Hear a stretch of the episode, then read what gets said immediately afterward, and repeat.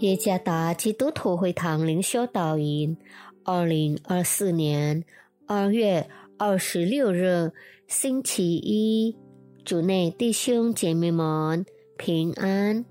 今天的灵修导引，我们会借着圣经《使徒行传》第四章三十二到三十六节来思想今天的主题。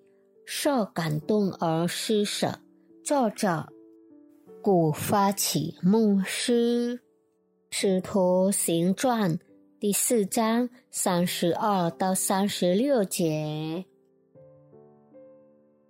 那许多信的人都是一心一意的，没有一人说他的东西有一样是自己的，都是。大家公用，使徒大有能力见证主耶稣复活，众人也都蒙大恩，内中也没有一个缺乏的，因为人人将田产房屋都卖了，把所卖的价银拿来。放在使徒脚前，照个人所需用的分给个人。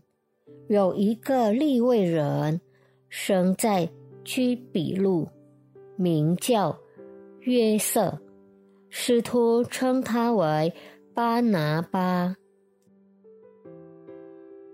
他有田地，也卖了，把价银。拿来放在使徒脚前。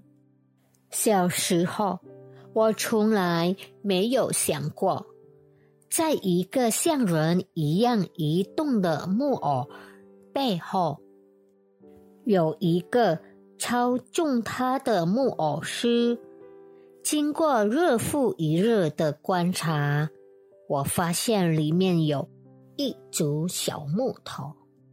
可以移动木偶的手和身体，让它可以随心所欲的移动。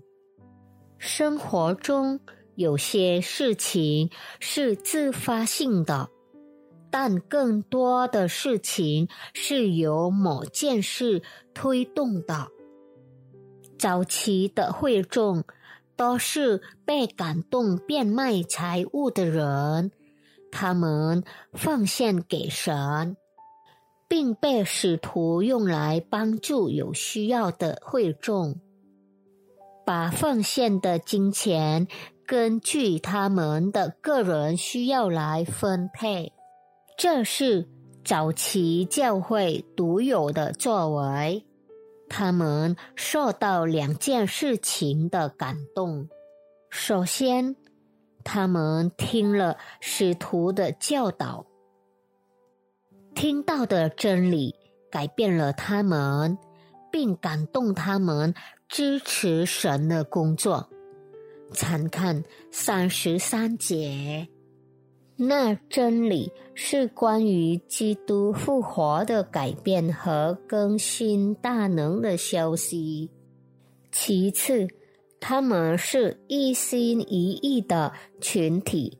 参看三十二节，会众在神面前的合一，不仅体现在他们在困难的环境中祷告的时候，也体现在他们透过奉献来支持神的工作。在当时变卖土地。房子和其他财物，并将其奉献在神的工作上，是一件不寻常的事情。然而，那真理感动信徒们，将最好的财物献给神。我们所得到的真理，改变了我们的生命吗？或者？那真理只是增加我们的知识，却从未实践在我们的生活中。尤其是在我们的施舍方面，我们还是个只为自己而活的基督徒吗？我们是否已成为一个充满热情并热衷于为推展神圣功而奉献的会众？被执行的真理乃是。能造成改变的真理，愿上帝赐福大家。